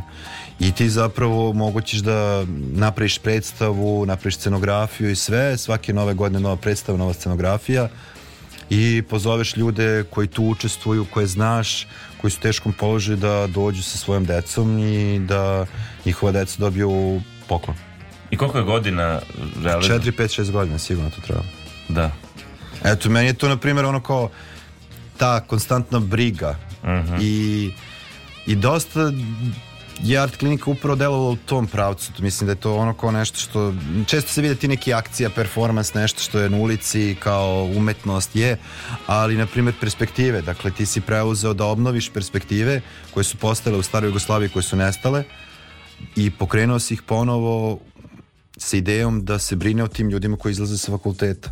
Jasno. Šta s njima, da im se dodali neka nagrada, da im da se da da neko važnosti, da im se da prvi put prilika da izlažu na nekoj i da skupljaš ljude koji će tu da im pomognu, koji će da budu neki žiri, koji će da odlučuju, koji su novinari, koji su kustosi, da se oni međusobno upoznaju, da se upoznaju s njima i to je onda bila samo za početak Novi Sad, pa onda i Beograd i da tu postoji neka razmena između ta dva grada, između te dve Mhm. ipak najznačajnije akademije, mada i u drugim gradovima postoje akademije, ali jednostavno smo ih jednom trenutku smo gasli perspektive zbog razno raznih razloga, ali pre svega zbog nedostatka apsolutnog razumevanja i finansiranja za taj projekat, ali je, otvarao prostor za, za dijalog i opet za tu neku brigu. Ali vi jeste bili i od osnivanja, a naročito i sada kao šok zadrug, uvek otvoreni za umetnike sa akademije, sa mlade umetnike, za mlade umetnike, što jeste Mislim, mladim umetnicima to je najveći problem kako da uđu pro, u profesionalni neki angažman.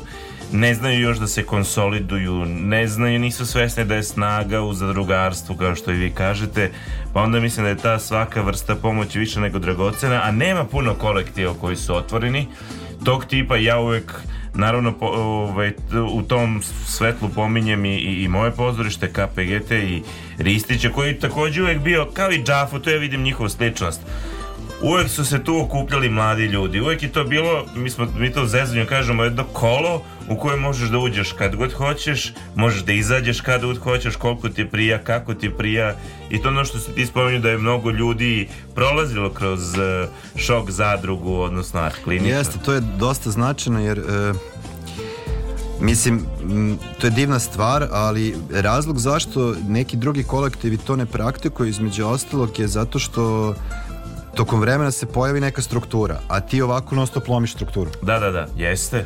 I to E, jeste I onda to, to je uvek i, nije, ne- i rizik je, ali uvek teško, dolazi novi ljudi, ti uvek s njima moraš da počinješ da ponovo radiš. Da, da, tačno. E, da im da, delegiraš neke odgovornosti, neko ostane 3 meseca, neko ostane 10 godina, ja sam ostao 16 godina recimo, e, sledeće godine da budem precizan, Da, da, da. ali ovaj, već sam ja već prešao u 2024, pa u principu na kraju smo godine, ali E, I s druge strane, ono što je, što je bitno, a zaista je, zaista je, zaista je bitno, je da ti, čini mi se, kada završiš fakultet, nebitno da li je to akademija ili neki drugi fakultet, Tako je, ti da. si u toj nekoj stadijumu šta ja sad? Mhm.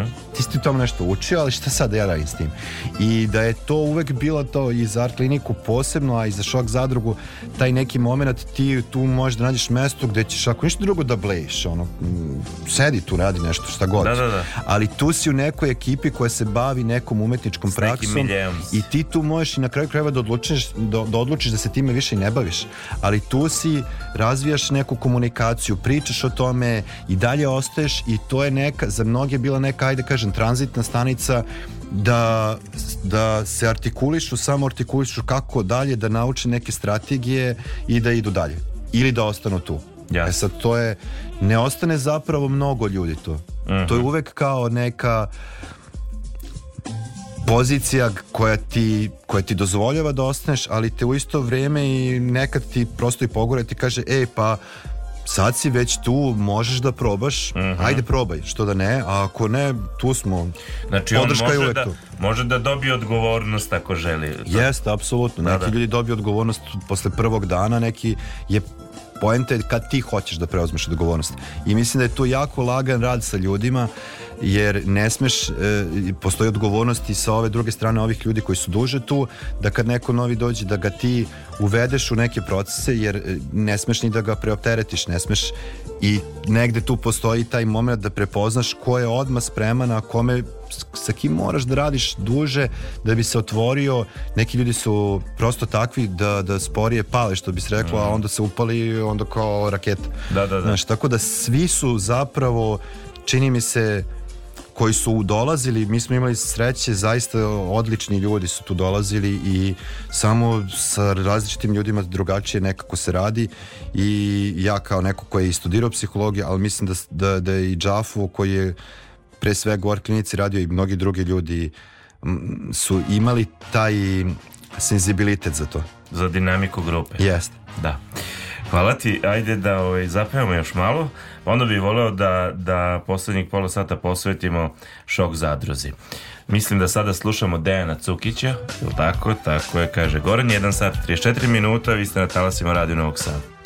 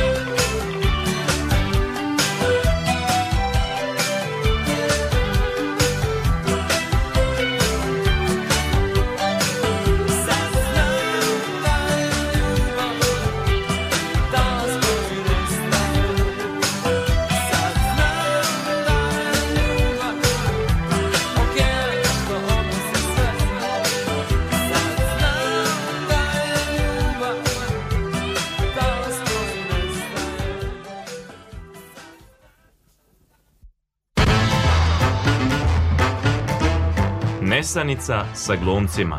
Svake srede na četvrtak. Sonja i Laza.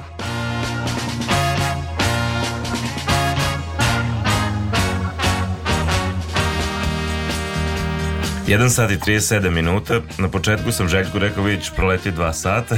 Zapravo, vreme stvarno leti kad se, kad se razgovara o važnim temama naročito. I dođo smo sad do, um, do ove trenutno još uvek aktuelne epohe, je li tako? E, koja je epoha šok zadruge. Koja je ok- okupila opet neke nove snage, izrodila još neke celine koje su se ajde da kažem i osamostalile, pa to je jedna od tih je i grafička zadruga, jel tako, koje su neka autonomna celina. Ajde da, da ovako te pitam, šta je sada fokus šok zadruge? E, ja ono što znam to je da ste otišli i, i pet koraka dalje u internacionalizaciji vašeg rada, da ste ušli u evropske projekte, da radite i projekte kreativne Europe i da li, da, da li želiš da počnemo od toga ili od e, grafičke zadruge? Šta bi Pa ne, voleo? ja ću da počnem od šok zadruge. Dobro. Ali šok, šta- šta je razlika između art klinike i šok zadruge, zato što često ljudi kažu pa šta se tu specijalno desilo. E, ono prvo što je, je važno je ta totalna raspada umetnosti, zato što je to nekako kor neke šok zadruge i to je bilo to pitanje tržišta i Znači to je projekat šok zadruge, jel tako? Da, to je po, počelo je art klinici, ali zapravo kao i neki drugi projekti se preselilo u šok zadrugu, zapravo kraj art klinike je, neke stvari su se odbacile, a ono što smo procenili da je zdravo je postalo šok zadruga i, i sama ime šok zadruge protiče iz šok galerije. Mhm. Najmanje galerije na Balkanu koja je specifična bila zašto je bila galerija za jednu osobu gde si Aha. ti potpunosti izložen umetnosti i moraš se susretneš s tim.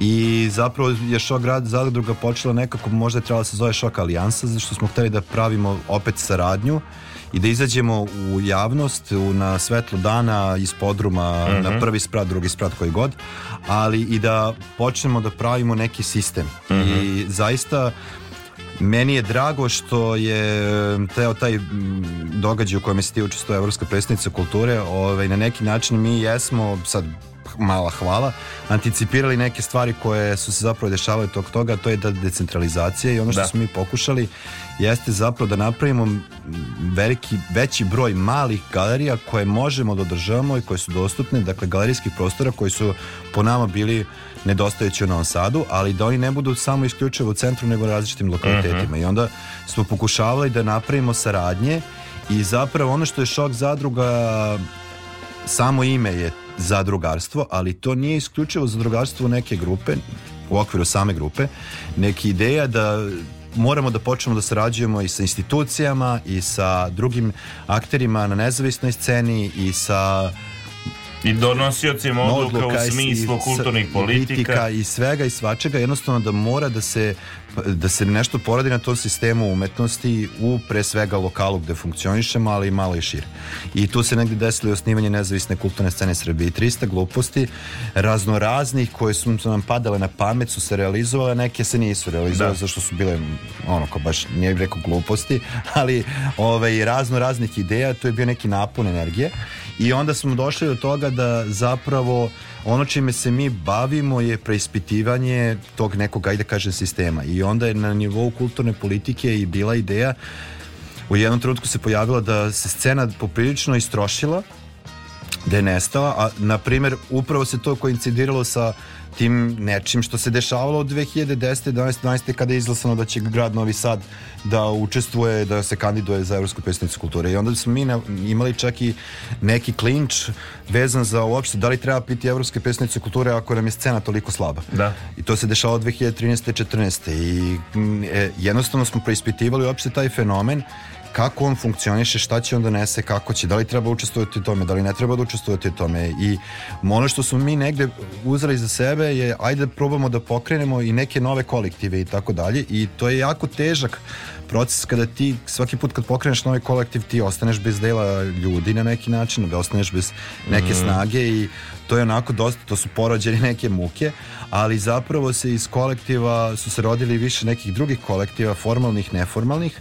Jedna od njih je svakako i grafička zadruga, odnosno grafička mreža, koja je zapravo nastala kao projekat i prerasla u NGO i tako Mhm. dalje koji je se zasnivao da smo mi u samom kolektivu imali neke ljude koji su primarno vezani za grafičku štampu, za grafiku i koji su se suočavali sa jednim ogromnim problemom da nisu imali prostor u kojem mogu da rade, jer ono što se dešavalo je završiš akademiju i ti sad nemaš nije mesto gde ćeš da, da. printaš, jer jedina slobodna tezga, bože slo- slobodna grafička presa se nalazi na akademiji koja je opet primarno vezana za trenutne studente Da, da, da. i tako dalje i ne možeš da je koristiš i nema ni vremena za to i onda su mi došli na ideju ajde napravimo kolektiv koji će da, da bude opremljen tehnički da može da do, dopusti da svako ko hoće dođe i taj Mhm. kolektiv funkcioniše na tom principu. Onda je trebalo naći mesto, trebalo je naći opremu, to je opet iziskivalo ogromne troškove, opet je bilo presipanje šupljeg u prazno što mi kažemo dobiješ neke honorare i tako dalje onda ih pretvoriš u keš pa kupiš neke stvari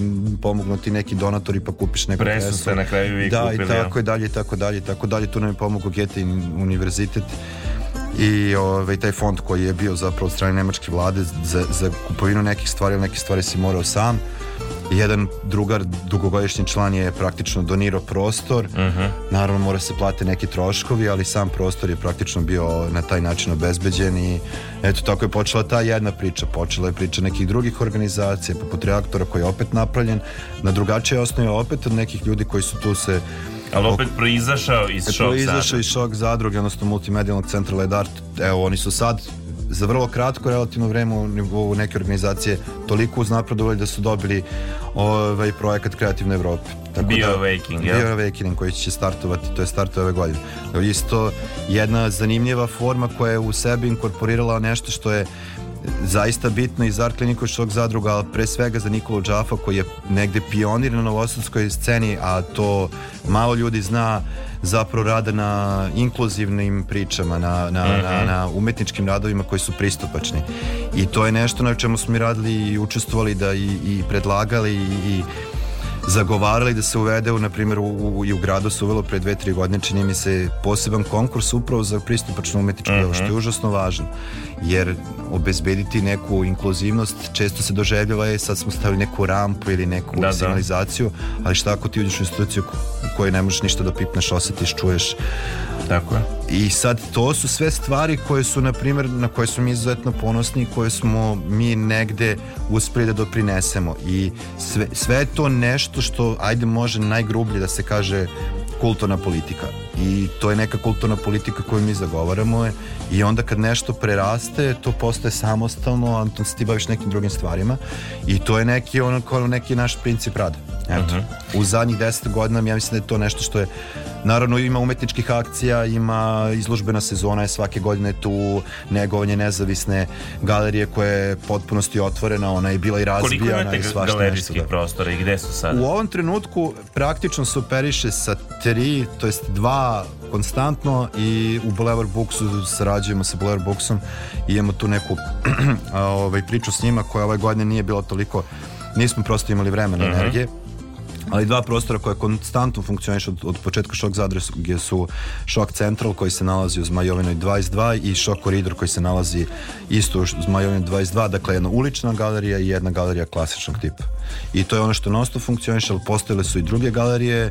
U Partizanu na Petrovaradinu počeli smo bili neku saradnju sa Petri Fišandorom imali smo neki početak u osnovnoj školi Milan Petrović imali smo pokretnu galeriju sad imamo galeriju Štender koju povremeno koristimo. Mhm. Koju možemo da stavljamo na različite lokalitete. Eto, to je to. Dakle, dosta. Vi, vi ste između ostalog i, i, i zagovornici te ideje da grad treba da ima i-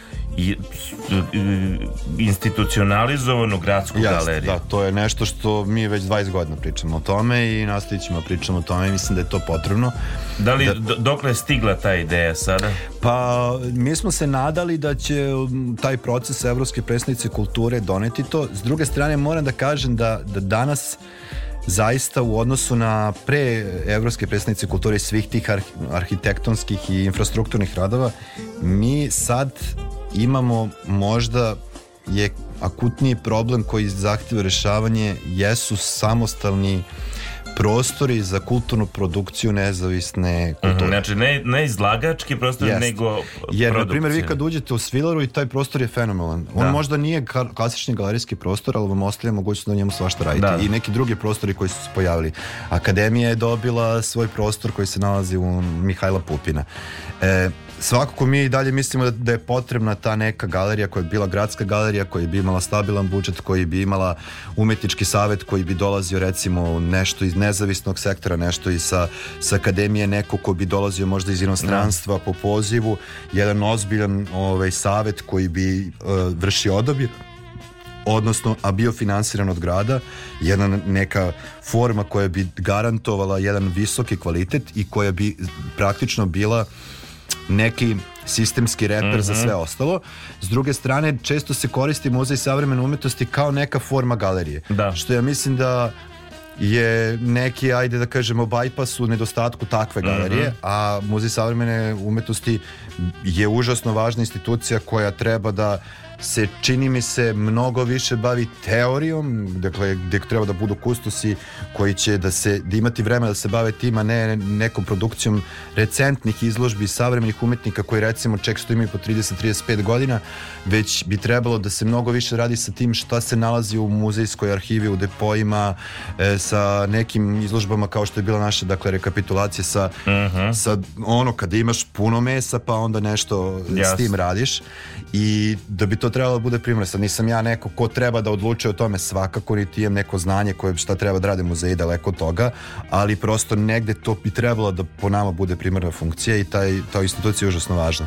Dakle, mislim da bi Mhm. to malo resteretilo i taj prostor i neke druge prostore gde ti imaš taj neki centralni prostor koji se zove gradska galerija i koja praktično možda kvalitetom kustosa dovođenjem ljudi sa strane formira neki ajde kažem centralni moment gde mi ostali nezavisni sektor, druge neke manje galerije, privatne galerije koje se nadam sve će se početi pojavljivati i tako dalje se referišemo na to i jedan muzej koji je neka mu, institucija iznad koje je zapravo bazično teorijska i koja konstituiše zapravo Mhm. mnoge stvari koje treba da se konstituiše. Svojevremeno je bila inicijativa, e, između ostalog su tu učestvovali i Kuda.org e, i, i Dans oko zgrade Agrarije kao Jeste. neko potencijalna ideja baš za to, za produkcione umetničke radove.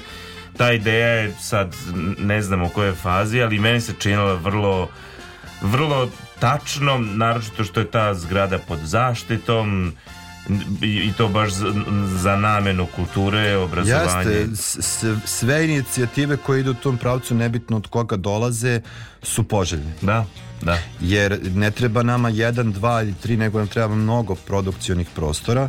Em, postoje metodi, postoje ovaj, modeli kako to može da funkcioniše. Mi smo kao i uvek, uvek tu otvoreni. E, kod nas je često taj problem zato što i taj van institucionalni institucion, dakle ono to je što je jedan važan segment našeg grada u posljednjih godina, deseta godina je bila, mi idemo, m, sarađujemo sa recimo starijim pozornim sa Ateljevom 61, pokušavamo da kreiramo zajedničke Mhm. programe koji su kratkoročni, dugoročni, godišnji, povremeni i tako dalje. Ispitujemo načine kako možemo da, da, da funkcionišemo taj van institucionalni institucionalni Mhm. sektor. Ja mislim da smo svi na, na istom zadatku, samo postoji taj neko često nerazumevanje zato što mi po nekoj našoj prirodi iako mi svi radimo različite poslove da bi mogli da radimo ovo što Da. radimo, ali em, nekako pokušavamo kada smo u nezavisnom sektoru i kad radimo u nezavisnom sektoru em, po prirodi nekako mi smo kritični, ali često se ovde kritika ne doživljena onako kako treba se doživljati. Kritika nikad nije, bar s naše strane, ja sam siguran, bila neka kritika koja je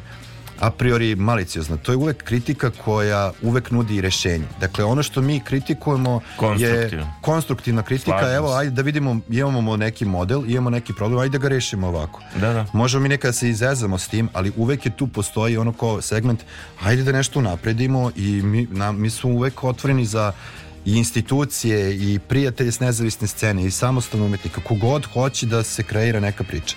Dakle, evo, na primjer, mi jesmo učestvovali u kreiranju e, nečega što se zove inkluzivna galerija, koja je protekla inicijativa upravo kroz taj rad sa, sa sa ljudima koji štićenicima ako je to sad ispravno odnosno da se Mhm. menjaju termini da, da, da se niko ne uredi sa ljudima koji, koji prolaze kroz učenje u Milan Petrović Mhm. školi i sa Milan Petrović školom i sad to zapravo vodi Milan Petrović škola i potpuno to dobro radi, ali to je opet jedan primer kao hajde probamo da pravimo neke nove forme, Da. hajde probamo da napravimo neke hibridne modele, hajde da vidimo kako je sve moguće da unapredimo i da svi zajedno funkcionišemo da bi unapredili scenu.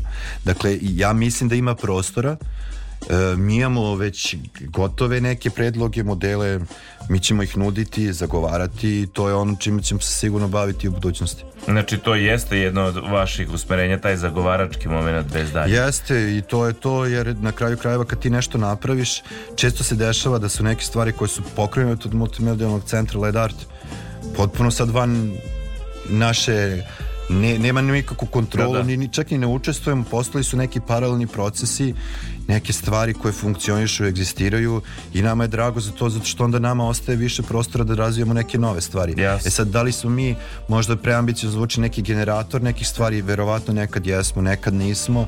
Ne želim nikad da zvučimo pretencijozno, zato što postoji jako generator, puno da. i drugih ljudi, ti si neki spomenuo i drugih nekih kolektiva i nekih drugih a, stvari koje se dešavaju na sceni koje su užasno važne, isto važne koliko i mi. Novi Sad je pun jako kreativnih i ljudi i ekipa i stvarno im treba dati znači mislim da smo ostali bez dosta nekih prostora koji su bili važni m, poput Doma B612 koji Da. je uočno važan za tu nek, taj neki segment kulture i da, da treba raditi na obnovi i da načinima kako da postoje nezavisni prostori. Često kad se priča o nezavisnim prostorima neko se pita pa evo na primjer um, postoji Svilara, postoji to su fantastična mesta. Da, ali oni užasno nisu su potrebne. nezavisni, da. Nezavisnost nije da si ti sad tu nešto, ja ću raditi šta god hoću, nego prosto dinamika rada u nezavisnom sektoru je često takva da ti imaš nedelju dana kada nešto možeš da radiš, onda nedelju dana ne možeš. Mm. Da ti nekad dolazi naboj kreativne energije noću, da ti hoćeš da ovde srušiš i nešto napraviš i da ti to možeš u tom nezavisnom prostoru. U nečemu što je institucionalizovano, ti postoje procedure, ljudi koji su zaduženi za ovo, e, striktni programi i tako dalje, što jeste normalno u takvom Mm. prostoru i poželjno zato što on služi za mnogo različitih ljudi koji ulaze i izlaze iz tog prostora, a nezavisni prostori su potpuno drugačija dinamika. I to, to je ono što je važno naglasiti. Jasno. Dakle, nije nezavisno, je ja sad tu sedim i radim šta god hoću. Ono kao, a, Da, da. ludilo neko. Nego je to potpuno drugačiji način funkcionisanja i zato oni moraju da budu nezavisni. R- jasno. Evo još, pošto imamo još nekoliko minuta, ali volio bih samo da pomeneš proje- projekat Remix Comics. To je neki prvi veliki e, projekat pod, e, u okviru programa Kreativna Europa koji sad je u poslednjoj fazi realizacije. Da, on se završava sledeće godine i za nas je bitan zato što smo iskoračili i u tu međunarodnu neku saradnju za umetnike, učesnike koji su učestvovali, kustose, producente, organizatore je bio izuzetno važan. Ja ne mogu da kažem da sam ja lično previše učestvovao u tom projektu zato što na neki način možda je to i smo, za mene bio velika stvar da potpunosti delegiram sve kao neko ko je potpisnik, ko je Da. tako dalje 90%, 95% poslova je zapravo, ja sam učestvovao u nekoj ajde osnovnoj situaciji kreiranja, pregovaranja Mhm. oko same ideje, formiranja nekog tima, ali posle su to sve uradili drugi divni ljudi koji Što se kaže, bio si pravi menadžer. Jeste, sad to tako zvuči, ali mislim nekad treba biti ponosan na sebe kad uradiš nešto da ništa ne uradiš. Tako je, ali i to je veština delegiranja. Nije Jeste to, to, to i je- zaista su svi koji su učestvovali dali svoj maksimum i ono što je najbitnije, naši ljudi, umetnici iz Srbije su neki od njih prvi put imali situaciju međunarodnog konteksta saradnje i priliku da vide neke druge gradove u Evropi, da vide kako druge organizacije funkcionišu i to je jedno veliko iskustvo, ogromno iskustvo, Da li, jako sam, potrebno. da li sam nešto zaboravio da kažem što bi ti voleo da naglasiš, što uvek volim da pitam za kraj jer ima toliko tema, a ja ne bih voleo da ostanemo nedorečeni. Pa, ne, pa ne, ne znam, ovako na prvu loptu samo za drugarstvo može spasiti svet od katastrofe. Neka tako i ovaj, bude. Hvala ti puno što si bio naš gost. Hvala tebi na studiju. pozivu svaki drugi put. Bilo mi je jako prijatno razgovarati sa tobom. Dakle, moj gost je bio Željko Grulović ispred Šok zadruge. Ekipa je u sledećem sastavu bila večera sa vama. Za mix pultom moj dragi kolega Goran Mavić, tu je naša Zorna Đaković, organizatorka, muzički urednik Zoran Gajinov Gaja. Moje ime je Lazar Jovanov, vi ste pratili emisiju Nesanica sa glumcima. Vidimo se sledeće sedmice u isto vreme na istom mestu 87,7 FM. Laku noć.